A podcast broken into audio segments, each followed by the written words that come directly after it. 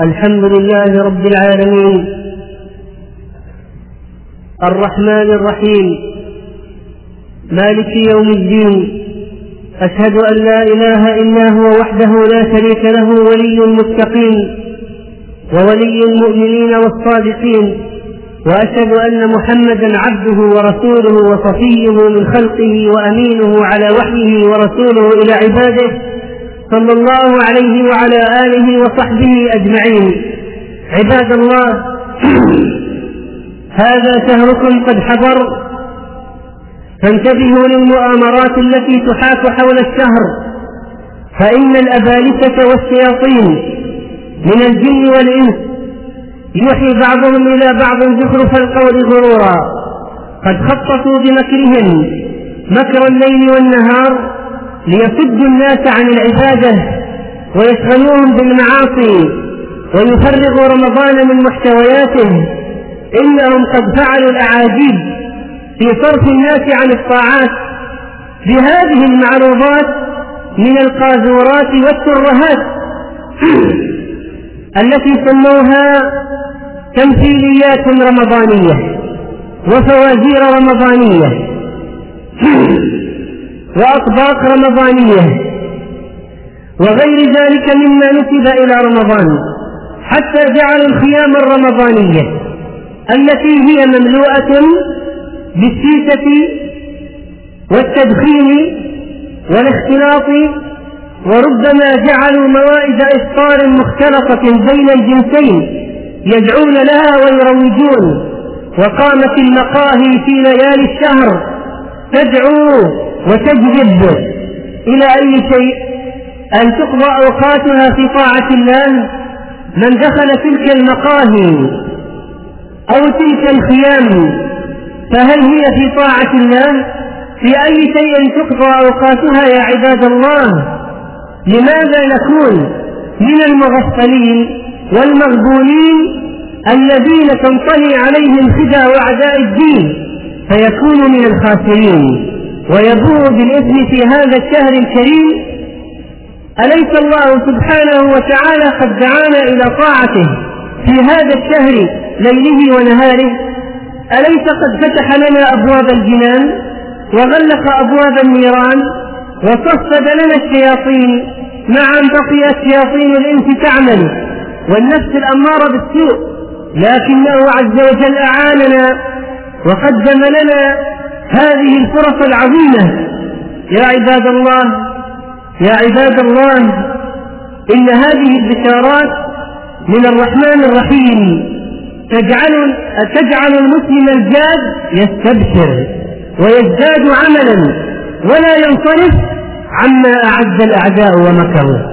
والله إنها لخطط خبيثة يروجون لها ويقولون علقت فوانيس رمضان على أشجار عيد الميلاد. خلط الحق بالباطل. التلبيس على المسلمين. الكفر والإيمان لا يجتمعان يا عباد الله. لكم دينكم ولي دين. لكم دينكم ولي دين. لكل جعلنا منكم شرعة ومنهاجا. فلا تتبع أهواءهم. كيف يجتمع الكفر والإيمان والشرك والتوحيد. كيف؟ ثم خبرني بالله عليك هل في الإسلام شيء اسمه فوانيس رمضان؟ ما هذه التقاليد؟ السخيفة؟ وما هذه العادات؟ وما هذه العادات المستهلكة؟ التي تمضي عليها الأجيال التي لا تقدر رمضان ولا تعرف معناه الحقيقي. إن رمضان ليس فوانيس ولا أنواع خاصة من الحلويات التي يريد الناس بعض الناس إشغال المسلمين بها. تحول رمضان إلى قطائف ونفائس وفوانيس وعادات عجيبة. أيها المسلمون إن المسلم يغار على دينه ويأبى يأبى أن يفرغ شهره من مضمونه الحقيقي الذي أراده رب العزة جل وعلا. يا عباد الله إن هذا الشهر إذا اجتمع فيه الصيام وإطعام الطعام كان أجرا عظيما ومن أسباب دخول الجنة الصيام وإطعام الطعام والقيام بالليل.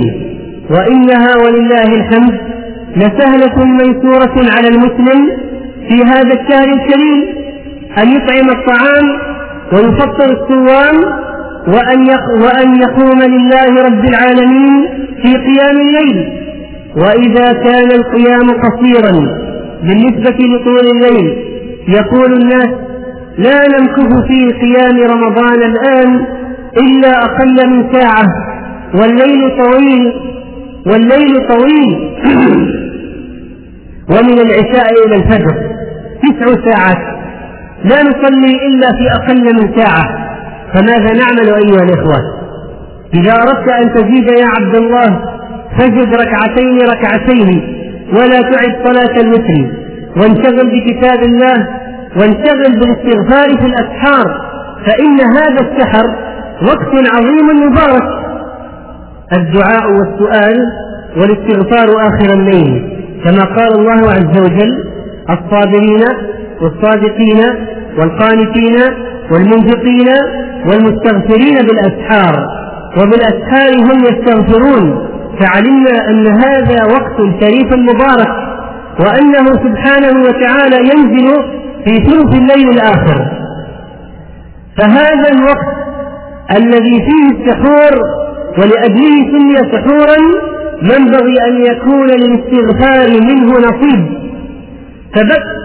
فإذا لا تنس مع أكلتك أن تستغفر ربك وأن تتقرب إليه في وقت النزول الإلهي والله ينزل كل آخر ليلة لسمائه الدنيا بلا كتمان فيقول هل من سائل فأجيبه. فأنا القريب أجيب من دعا من ناداني.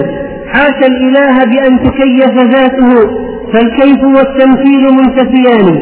وقت شريف يتفضل الله على عباده بإجابة دعائهم وإعطائهم سؤلهم وغفران ذنوبهم وهو وقت غفلة وخلوة واستغراق في النوم واستلذاذ له لمن لمن لم يعرف حقه فكان من تنازل عن هذه اللذة. وضحى بها لله تعالى سيحصد ثمار ذلك يوم الدين. إنها ساعة شريفة ساعة إجابة ونزول إلهي في شرف الزمان وهو رمضان في شرف الليل في الأسحار. إن في هذه الليلة لساعة لا يوافقها رجل مسلم يسأل الله إلا أعطاه. فاسأل الكريم سبحانه وتعالى الذي لا يخيب عنده الدعاء والرجاء وهو أكرم الأكرمين. لو أن الجن والإنس قاموا في صعيد واحد فسألوه فأعطاهم مسائلهم. ما نفذ مما عنده شيئا البتة ولا نقص. عباد الله هؤلاء أولادكم. حافظوا عليهم في هذا الشهر. رب الصحابة أبناءهم. على الصيام من الصغر. وجعلوا لهم الألعاب والعهنة من الصوف والقطن فإذا بكى أحدهم من الجوع أعطوه إياها.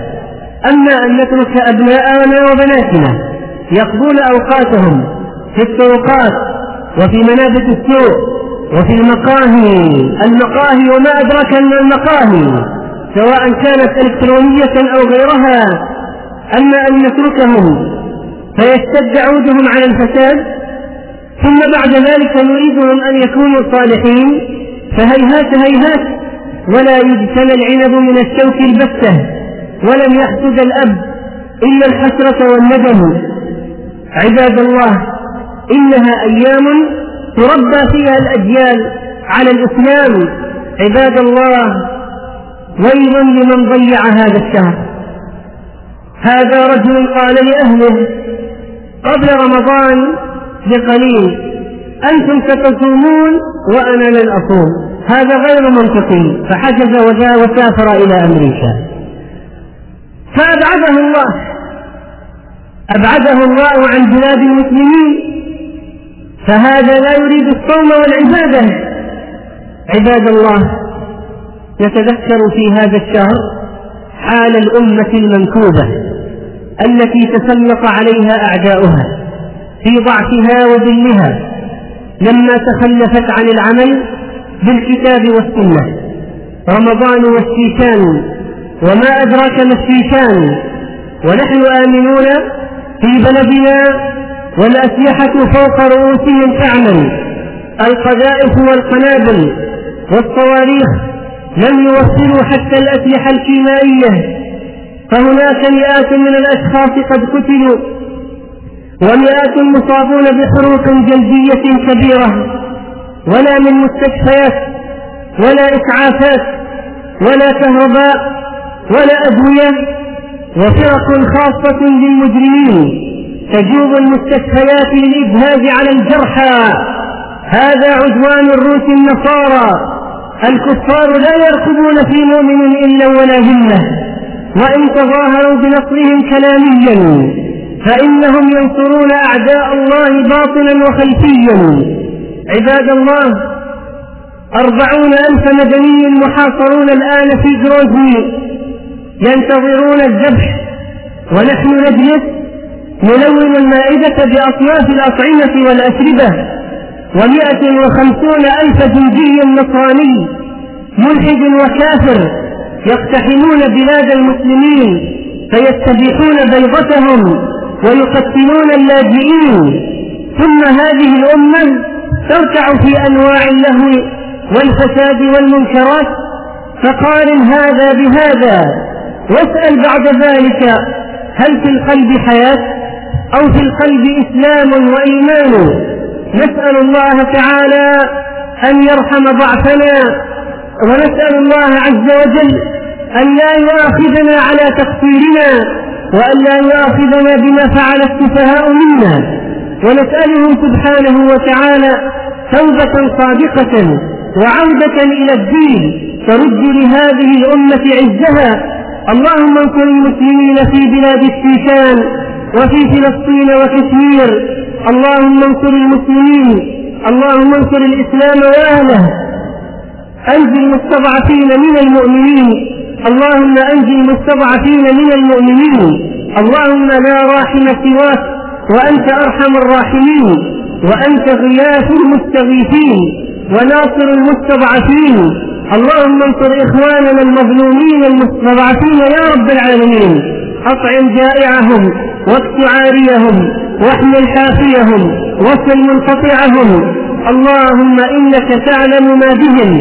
وأنت العليم الحكيم. اللهم فارزقهم بنصر من عندك وأمجدهم بمدد من عندك اهدهم سبل السلام وأخرجهم وأخرجنا وإياهم من الظلمات إلى النور. وارزقنا التوحيد والتمسك بالسنة يا رب العالمين. اللهم أيسر في قلوب المسلمين الحمية للجهاد واجمع كلمة المسلمين على الحق والكتاب والسنة. إنك سميع مجيب.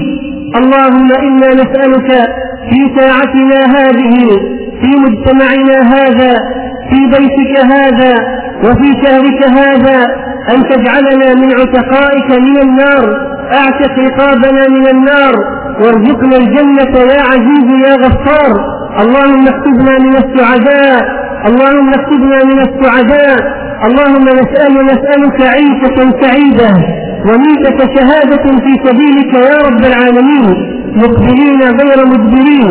إنك سميع الدعاء. اللهم اغفر الأوزار وأزل الأوزار. اللهم وأنزل الأمطار. اللهم بارك لنا في بلادنا هذه وبلاد المسلمين. من أراد بلدنا بسوء فأشغله بنفسه. ومن أراد بلاد المسلمين بسوء فاجعل كيده في نحره. اللهم اللهم عظم عظم الخطب. واشتد الكرب. ولا ناصر إلا أنت. فنسألك النصر على الأعداء. نسألك النصر على الأعداء. نسألك النصر على الأعداء يا سميع الدعاء. اللهم اضرب اليهود بالنصارى واجعلها عليهم نارا ودمارا اللهم سلط على المشركين جندا من عندك. اللهم زلزل بهم الأرض من تحتهم وأنزل عليهم عذابا من فوقهم. اللهم افتح أستار المنافقين. وكف شرهم عن المسلمين. اللهم رد ضالنا إلى الحق يا أرحم الراحمين. اهد شبابنا وشيبنا. اللهم اجعلنا من المتقين الأخيار. سبحان ربك رب العزة عما يصفون وسلام على المرسلين. والحمد لله رب العالمين. وقوموا إلى صلاتكم يرحمكم الله.